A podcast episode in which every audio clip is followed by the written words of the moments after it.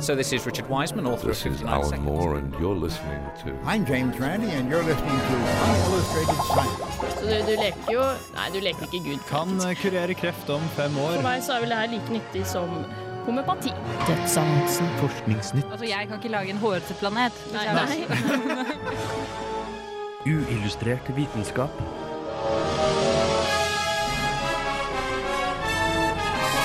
Science, it works, bitches. I dagens sending presenterer vi Uillustrert vitenskaps første radioteater. Hvis du også har lurt på hvordan du ville fungert som en plante, må du ikke slå av radio nå.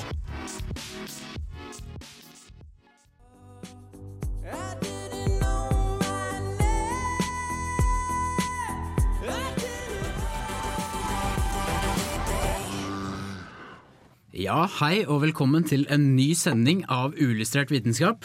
Jeg heter Hogne Jørgensen, og i dag har jeg med meg Hei, eh, Agnes heter jeg. Ja, eh, og vi har en til her. Ja, vi må ikke glemme meg. Øyvind heter jeg som alltid. Ja, eh, og dere tror det blir en bra sending i dag også? Tror det blir Det- en veldig bra sending. Jeg er faktisk helt sikker på det. Ja. Og hva har dere forberedt til i dag? Nei, du kan vel si først du, Agnes. Eh, jeg har vært veldig uh, syk det siste, Altså, jeg har, det er blitt litt sånn kort. Men jeg har satt opp et skjult kamera bak en stein, Uh, og dere får høre Uillustrerts første uh, teater, radioteater etterpå, så det blir veldig spennende. Det blir veldig spennende.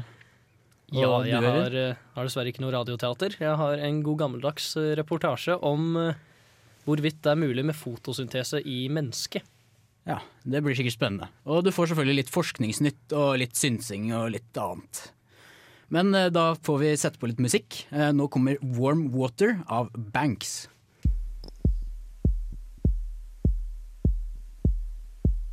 Looking you over.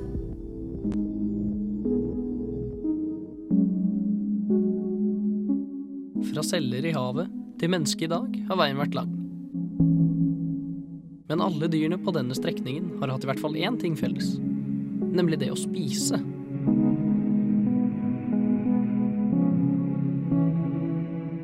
I motsetning til de fleste planter får vi hovedsakelig energien vår fra å spise andre skapninger. Men nå til dags blir jo folk mer og mer redde for mat, så kanskje også dette vil endre seg. Kanskje vi heller skulle prøve oss på fotosyntesen?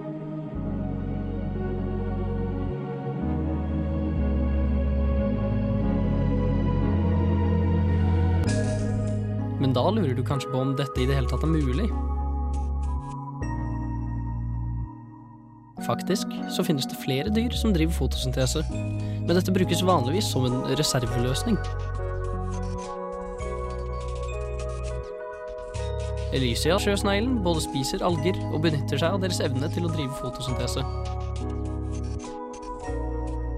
Faktisk så kan disse sneglene klare seg i hele ni måneder på fotosyntesen alene, men så er det jo heller ikke stort større enn 30 millimeter.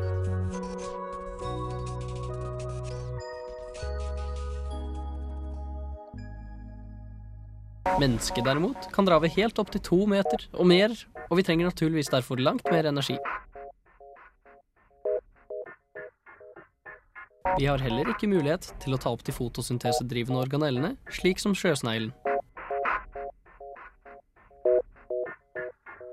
Gitt at et menneske av gjennomsnittlig høyde derimot lærte seg å drive fotosyntese, ville en time i sola ha gitt like mye energi tilsvarende sjettedelen av et eple. Og dette på bekostning av at du måtte drikke langt mer vann. For å ha fått i oss de 10 000 kilohjulene gjennomsnittsmennesket krever i løpet av en dag, måtte vi ha spist tilsvarende 25 epler. Dette betyr igjen at vi måtte ha vært 150 timer ute i sola i løpet av et døgn. Og det kan jo bli litt vanskelig. Så fotosyntese er nok ikke et ideelt substitutt for å spise. Enn så småspist man måtte være. Derfor er det kanskje best å fortsette å spise. Ellers kunne vi alltids ha prøvd å putte flere timer i døgnet.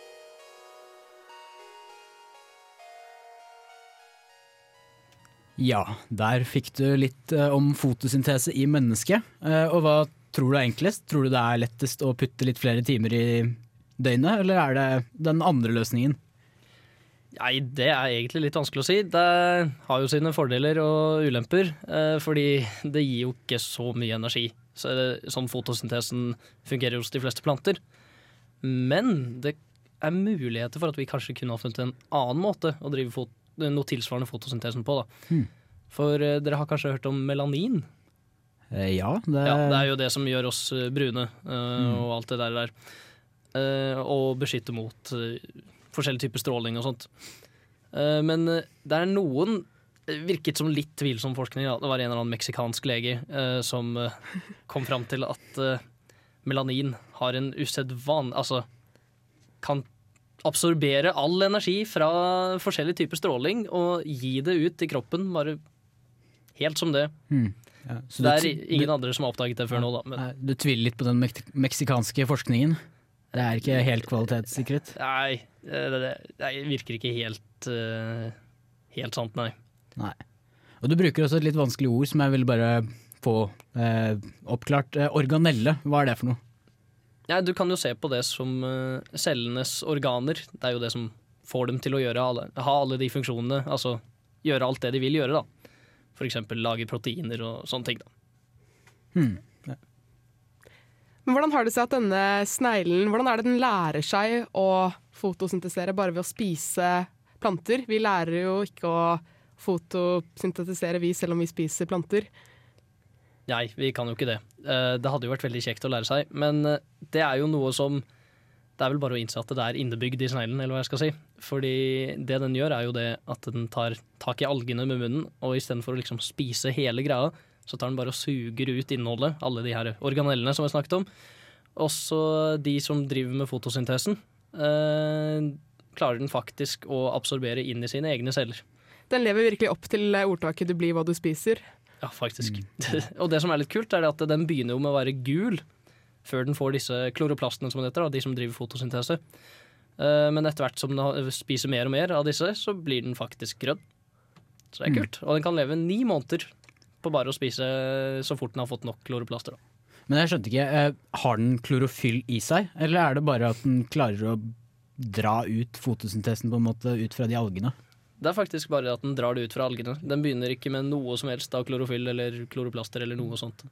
Men uh, dette vil ikke fungere for mennesker i det hele tatt, uansett. Nei, da, ikke på egen hånd. Da Nei. tror jeg vi må finne på noe lurt. Ja, så vi, vi mangler et eller annet der. Det disse er noe, noe som mangler. Ja. Da fikk du litt om fotosyn- fotosyntese. Um, men da får vi sette på enda litt mer musikk. Her er Snake Dog av Together Pangea.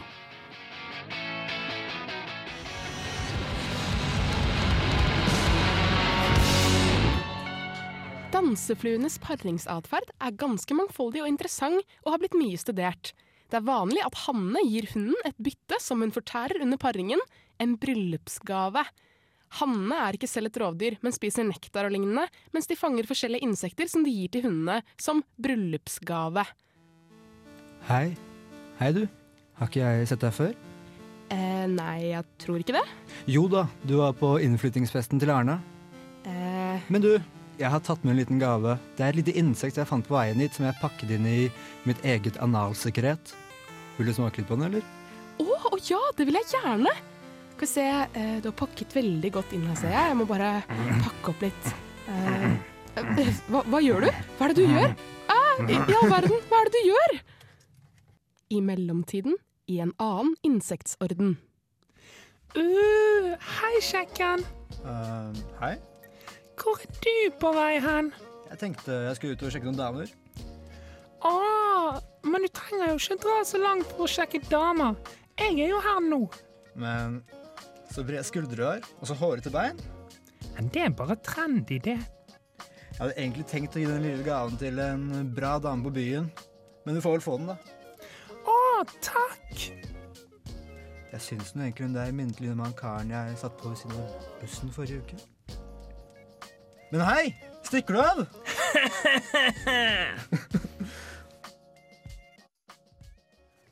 Ja, der fikk du Uillustrert vitenskaps aller første radioteater. Eh, Men jeg må egentlig spørre, hva var det vi egentlig hørte her, Agnes? Eh, det var dansefluene mine.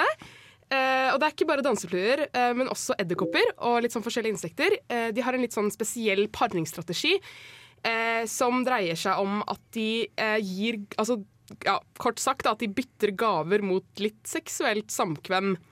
Eh, og for noen insekter, som dansefluen, så dreier det seg om å pakke inn denne gaven eh, så godt som mulig. Eh, og det er gjerne da noe spiselig, da, som f.eks. et litt mindre insekt, eh, eller noe sånt noe, som de da pakker inn veldig godt. Eh, slik at hunden som får gaven, bruker veldig lang tid på å pakke opp gaven, og hannen da kan pare seg med henne mens hun pakker opp. Ja. Eh, ja. Det, det, det skjer heldigvis ikke her hos mennesker, men, eller har kanskje skjedd det òg, det er ikke vet jeg, men eh, ja. Ja, du, må bare, du må bare holde dem opptatt. Bare, her, hold den her, og så bare yeah!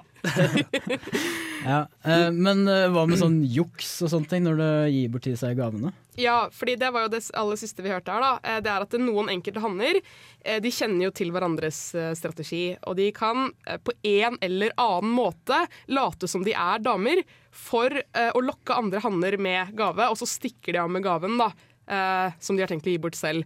For det her er veldig gunstig for hannen, fordi forskere har funnet ut at gavmilde hanner de får ofte pare seg lengre og oftere. Og så kan det også hende at avkommet får litt bedre overlevelsessjanser dersom moren har fått seg et skikkelig måltid eh, underveis i unnfangelsesprosessen. Så hun driver faktisk og spiser mens alt dette pågår? Ja.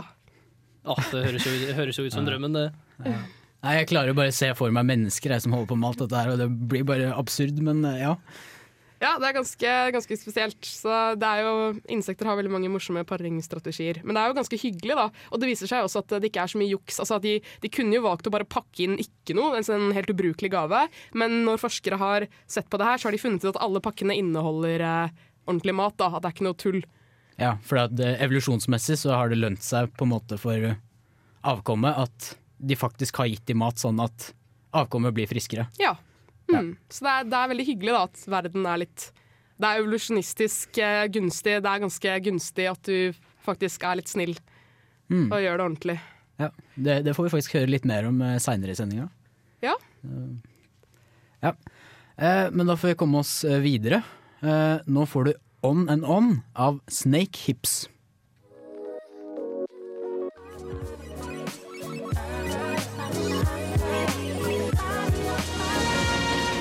Uillustrert vitenskap presenterer Forskningsnytt.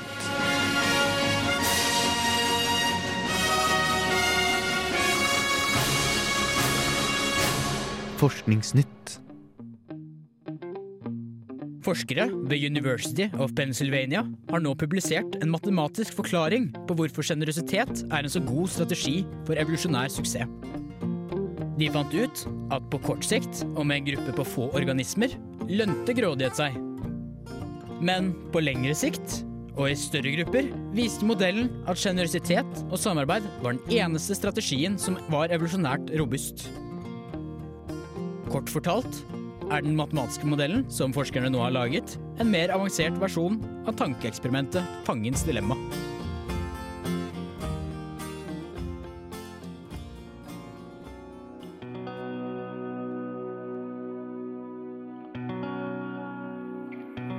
Man har lenge trodd at gardinerfrosker ikke kunne høre ettersom de ikke har ører. Derfor ble forskere overrasket da det viste seg at de faktisk har hørsel, og et mysterium var dukket opp. Inntil de ikke lenge etterpå tok en røntgenundersøkelse av frosken. Der fant de nemlig ut at selv om den ikke har et ytre øre, så har den et indre øre. Og for at lyden skal komme dit, kommer den gjennom munnen på frosken, og hulrommene i kroppen fungerer som forsterkere.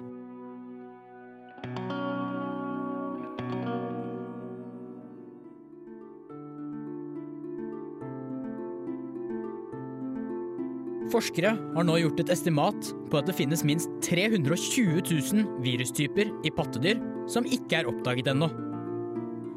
De fant tydelige tegn på at disse virusene kan gi oss viktig informasjon som kan hindre store utbrudd og pandemier blant mennesker i framtiden. Og prisen for å oppdage disse virusene? Ca. 40 milliarder kroner. Dette hører kanskje ut som en stiv pris, men det er likevel bare en brøkdel av hva som f.eks. en stor pandemi som SARS kostet samfunnet. Så det er kanskje verdt det likevel.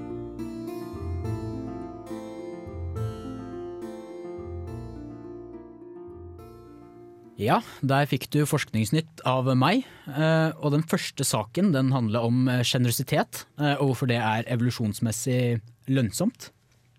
Men kan jeg få skyte inn med en liten sak her? Ja. Hva er Altså, du snakker om fangens dilemma. Hva er det egentlig? Jo, jeg, hadde egentlig tenkt å forklare det, men det tar litt tid, så jeg bare venta med det til dette stikket etterpå. Um, fangens dilemma, uh, det er slik at fangene står overfor et, eh, eh, ja, et valg. De kan enten velge, det er to fanger, da, eh, de, og da kan de enten velge å tyste eller å holde kjeft. Um, og da er det bygd opp slikt at hvis, eh, hvis den ene tyster på den andre, så vil den som tyster komme ut og slippe eh, i null år i fengsel, mens den andre blir straffet eh, ti år i fengsel. Mm. Eh, men hvis da ingen tyster, så vil begge to bare få ett års fengsel, men det vil få fengsel, så det vil altså egentlig lønne seg å sladre, for da vil du få null års fengsel, mens den andre vil få ti års fengsel. Ja. Men problemet da er hvis begge tyster på den andre, så vil begge to få fem års fengsel. Ja, så du, du må, må egentlig bare stole på han andre i så fall? Eh, ja, og det, det er her dette her kommer inn, da, dette her med sjenerøsitet og samarbeidsvilje osv. Eh, at eh, for deg individuelt så vil det jo lønne seg å tyste på den andre, for at du vet jo at du får du, du kan jo ikke styre hva den andre gjør. Nei. Så du vil jo da uansett bare få null eller eh, fem års fengsel. For at du vet jo at de andre tilfellene ikke er eh, tilfellet. Men det vil jo den andre tenke også. Eh, og hvis begge tenker egoistisk i denne situasjonen, så vil de ende opp med fem års fengsel hver. Mm. Men eh, ja, for det her Jeg syns jeg hører litt evolusjon i det fjerne her. Eh, hva er det egentlig som Hva er det som lønner seg her? Eh, altså, Hva er det som liksom er kjent for å Ja, Hva er det mennesket har eh, gjort i disse situasjonene? Ofte. Jo, for at mennesker har jo veldig De har jo lykkes veldig bra i evolusjonen. Og de, de har jo løst dette her med at de samarbeider mer og er, er veldig sjenerøse. Eh, og når du tenker over det, så er du egentlig på en måte litt instinktivt eh. Fordi at vi har en gledesfølelse eh, når vi gir bort ting. Og det er jo egentlig litt sånn irrasjonelt. at Hvorfor i verden skal man føle glede når man gir bort ting? Når man tenker på evolusjon. For det, det, det, gir, det gir jo ikke deg noe tilbake igjen å gi fra deg ting som du egentlig hadde fra før av. Men eh, det, det er da dette samspillet da, at hvis eh, hele samfunnet er bygd opp slik at folk gir uten å forvente noe tilbake, så vil det være lønnsomt for alle sammen. Ja, det er jo der problemet kommer inn, da. Det er ikke nødvendigvis alltid sånn, er det vel. Men tror du at man gir bort gaver for å være snill, eller blir man glad for at man tror at andre vil synes at du er snill? Ja, jeg har jo alltid tenkt i hvert fall det at um, du har en baktanke ved det. For at jeg tenker litt sånn evolusjonistisk at du kan jo ikke bare gi fra deg ting og ikke forvente noe tilbake. Det, det vil jo være sånn ja, hvis, eh, Du vil jo dø ut hvis du på en måte gir bort ting uten å få noe tilbake. på en måte. Så altruisme fins egentlig ikke, så alt, alt har på en måte en liten baktanke. Jo, men så er det evolusjonen har jo bygget oss opp på en litt sånn rar måte, så vi instinktivt eh, er plutselig eh, mer gavmilde enn det vi tenker hvis vi tenker fornuftig, da. Mm. Eh, så jeg tror alle har en sånn eh, følelse at de har lyst til å gi bort ting, og, og får også glede av det. Men eh, det er da evolusjonen som gjennom mange år har bygget opp på denne måten. Så i et veldig lite samfunn så vil ikke dette være lønnsomt. Hvis det bare er to personer, så kan du være veldig egoistisk og beholde alt. Og da kan jo den andre fortsette å gi deg ting uten at du gir noe tilbake igjen, og det vil jo være lønnsomt for deg, men ikke lønnsomt for den andre. Men i et større samfunn med mange individer, individer så vil det være lønnsomt for alle å være sjenerøse og gi bort ting. Hmm. Men uh, jeg drev og tenkte litt på eh, Kanskje, altså Nok om denne her eh, Fangets dilemma-saken. Får du snakket noe om frosk, eh, frosk også? Som Ja. eh, Altså, de hører med munnen, sa du? Eh, ja. Også, eh. altså Fordi jeg drev og tenkte på eh, Vi kan jo se. Hunder kan også se, men det sies at de bare ser i svart-hvitt. Er det noe sånn tilsvarende med, med frosken? At den hører på en annen måte? Eller altså at det, det er annerledes? At den ikke Ja, den har da bare ett midt indre øre. Vi har jo da på en måte to ører. Mm. Og den, den har jo ingen ytre ører, men den har et midtøre eh, som tar inn lyd fra munnen. Eh, og den kan ikke høre alle frekvenser. Det er, jo- ja, ingen kan høre alle frekvenser, Nei. men den hører ganske få frekvenser. Men den kan høre andre frosker. Så Ja. det, det er jo noe evolusjon i det bildet her også, da. Vet du hvordan det er med sånn eh, rovdyr og sånne ting, da? Um, det som i hvert fall har skjedd der, er at uh, de har, uh, disse froskene finnes på Seychellene, eller en sånn liten øy i Afrika, Ja. uh, og har vært veldig isolert fra andre rovdyr og sånne ting. Jeg vet ikke hva slags rovdyr som finnes der, men den har jo i hvert fall tilpasset seg omgivelsene sine der, da. Og av en eller annen grunn så har de ikke trengt ører, eller ikke utviklet ører, sånn at det har vært lønnsomt nok å få ytre ører, som nesten alle andre dyr har. For dette gjelder vel de fleste Gjelder vel alle frosker, gjør det ikke? Eller er det bare denne typen frosk? Det er bare denne typen, eller disse gardenerfrosker. Og disse finnes bare på Seychellene. Vanlige frosker vil ha ører. Så, ja. Selv om ikke jeg har lagt merke til så veldig godt at de har ører. Det må, ja, det må jeg faktisk innrømme at jeg ikke visste. Eller nå har jeg ikke gått og lett heller, da, men Uh, og den siste saken, uh, det var da dette her om virus, som de har da gjort et anslag. eh, som kom, høres ut som kommer litt sånn ut fra det blå. Ja, hvordan vet de Jeg lurer på hvordan de vet dette tallet, da, som jeg selvfølgelig ikke husker akkurat Nei. nå, men det, det var et tall som de, et sånt absurd høyt tall.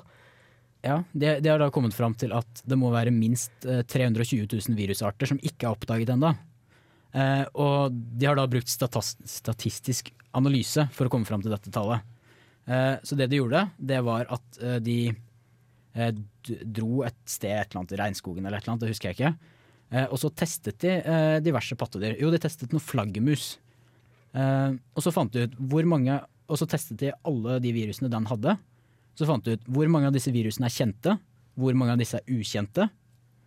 Eh, og så har de da brukt statistisk analyse og funnet ut eh, ja, og bare antatt at dette vil gjelde alle andre pattedyr. Det er jo det man gjør i statistisk analyse, man bare antar at eh, vi ser på et gjennomsnittstilfelle.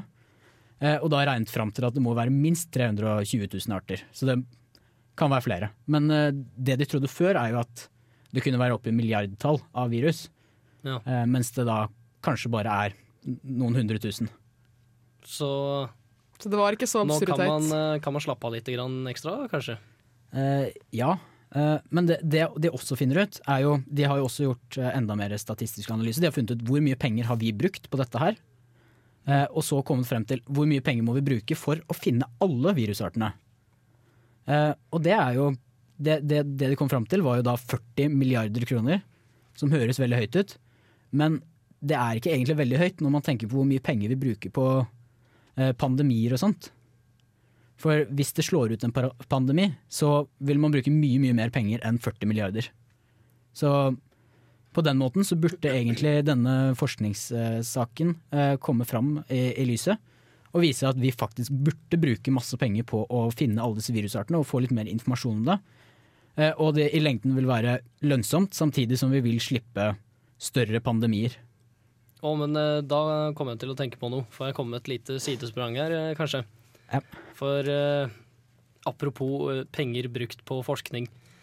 Jeg hørte, om, eh, jeg hørte nylig om et forsøk som var blitt gjort på pingviner. da. De skulle finne ut hvorfor de gikk så rart. Og så brukte de jeg tror det var oppi ti millioner kroner. altså. Og etter å ha forsket lenge og vel, gikk over mange år, altså mange penger som gikk, så fant de ut at det, det er fordi de har så korte ben. Ja. Så kanskje ta de pengene som gikk dit, og heller send dem over på den forskningen som du snakket om, da. Ja, for at dette kan være dette vil, være, dette vil redde mange liv, og, og det vil bedre økonomien vår i framtiden, da det en gang kommer til å slå ut en pandemi. Eh, og 70% av verdens eh, pandemier forårsakes av virus.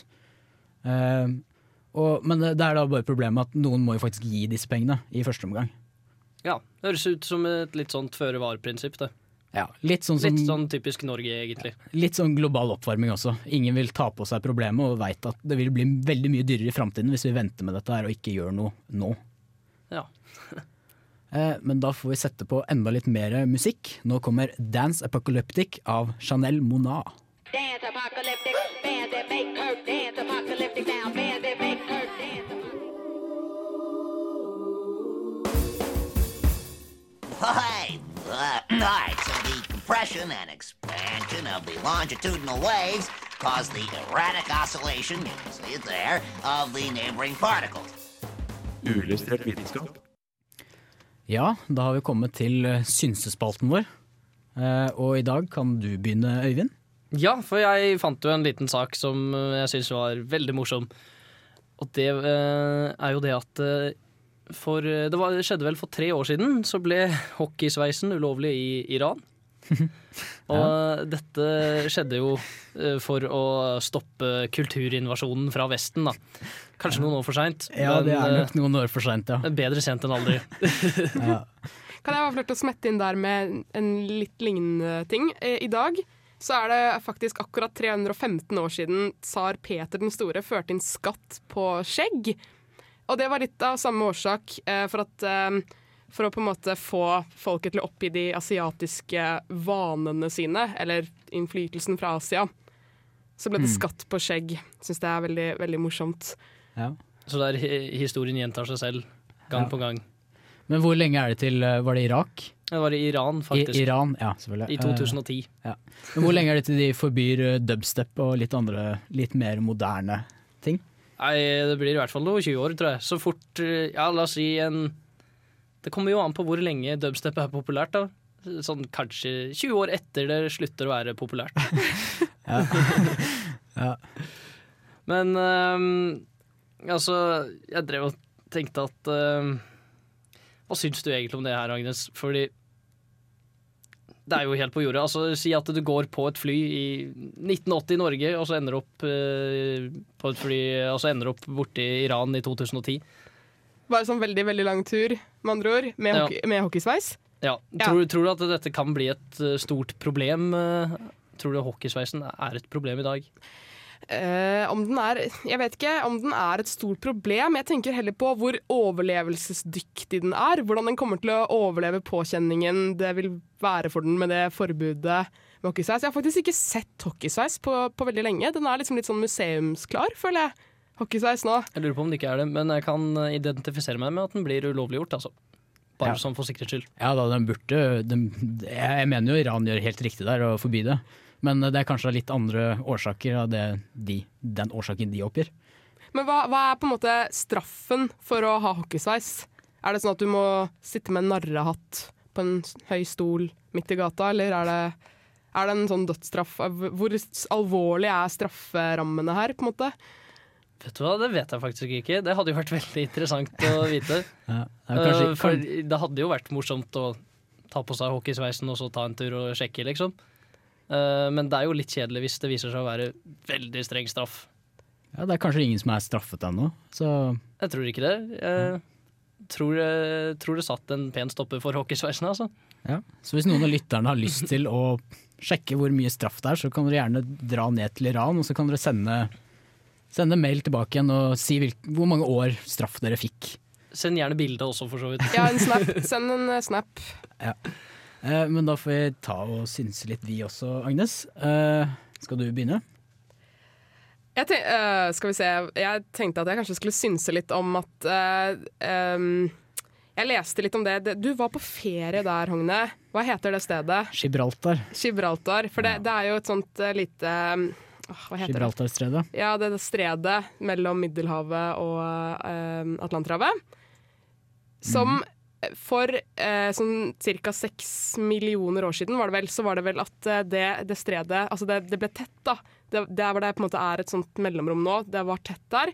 Og det førte jo til at Middelhavet, altså hele Middelhavet fordampa. Og så leste jeg eh, for ikke så lenge siden at eh, i relativ geologisk nær framtid, som vil si som ca. et par tusen år frem i tid, så, kan det samme, så vil det samme skje igjen. da. Eh, så det er jo ganske spennende at For det er jo ganske omfattende at hele Middelhavet fordamper. Bare sånn i løse lufta. Jeg lurer på hvor lang tid det tar egentlig å fordampe hele Middelhavet. Vel, det er utrolig kjedelig hvis du er midt ute på havet i båten din, og så må du gå hjem. Ja! Du tror det skjer så fort? Nei, jeg har kanskje mine tvil der. Nei, jeg tror kanskje det tar noen millioner år, og det er kanskje ikke vår levetid vi får se dette her, altså, selv om det ville vært kanskje et spektakulært uh, syn. Det hadde jo vært veldig gøy å bare se Middelhavet fordampe foran deg. Sammen med ferien din, kanskje. Mm. Ja. Eh, men da får vi sette på litt mer musikk eh, før vi skal synse litt mer. Eh, nå kommer High Art av The Dream. I'm, I'm, I'm tired of talking about it. Let's do it.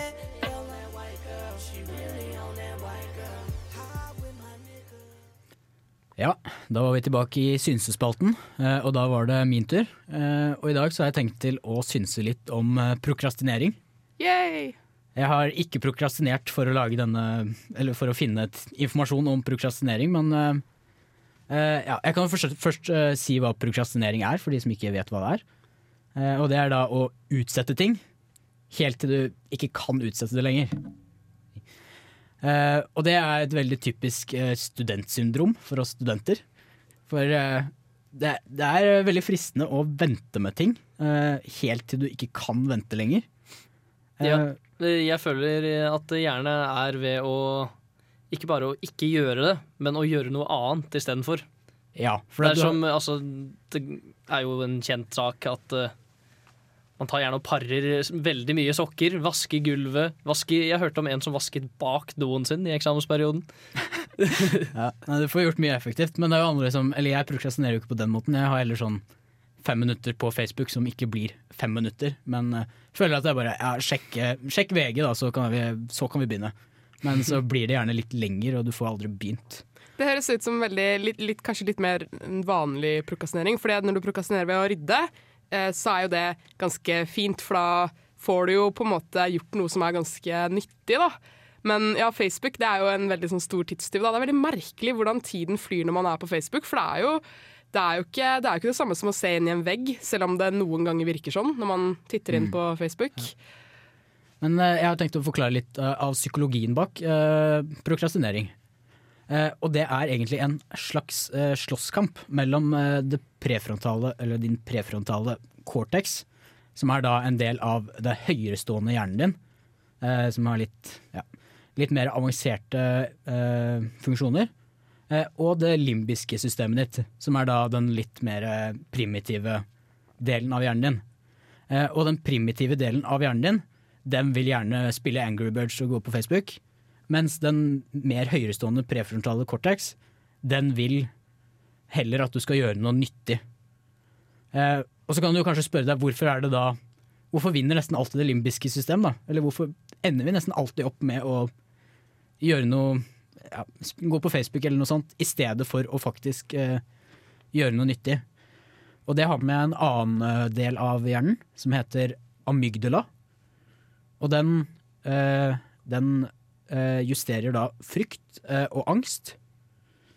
Og det er da frykten for da at du skal mislyktes, eller at du ikke gjør noe bra, henger dette her da sammen med. For du, hvis du er redd for at eh, noe kommer til å gå dårlig, så venter du gjerne med det.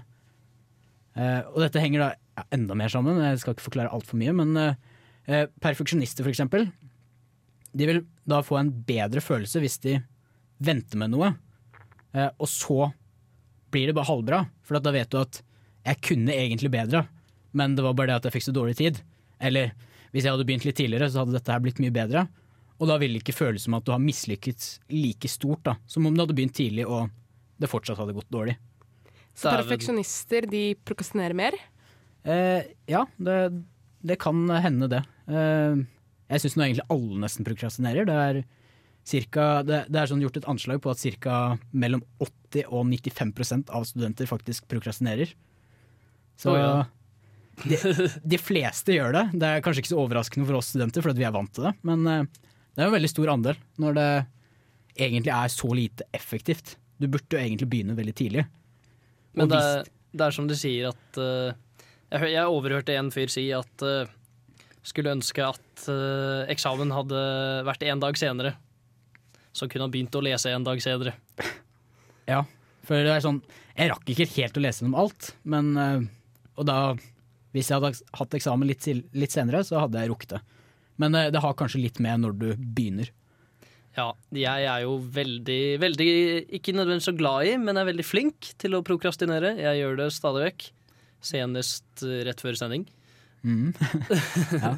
Nei, jeg føler også det er litt samme effekten når du legger deg. For at du, du, når du får for lite søvn, så det, skylder du aldri på at, uh, at uh, du har uh, da, da vil du heller sove lenger om morgenen enn det å legge deg tidligere. Så du kan jo egentlig tjene inn søvn på begge steder, men så ender du heller mer opp med å sove lenger istedenfor å legge deg tidligere. Men da får vi ta og sette på litt mer musikk. Nå kommer Big Dumb Blue Angel av Moon King.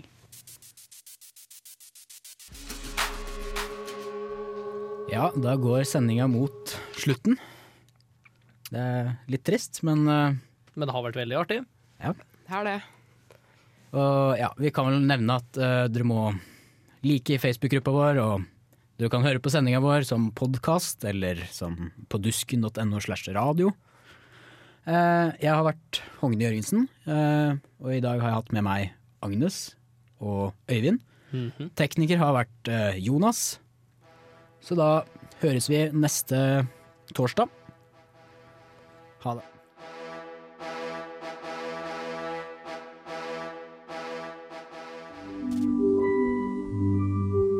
Uillustrert vitenskap er Midt-Norges eneste teknologimagasin på lokalradio. Og vi snakker om alt fra populærvitenskap til sære forskningsprosjekt ved NTNU. Radio Revolt, studentradioen i Trondheim, er stolt av å kunne presentere podkaster fra de aller mest populære programmene våre. Hvis du har lyst til å høre mer fra Radio Revolt, hvem vi er og hva slags musikk vi spiller, så kan du høre oss på FM-båndet i Trondheimsregionen, eller streame sendingene våre live på radiorevolt.no.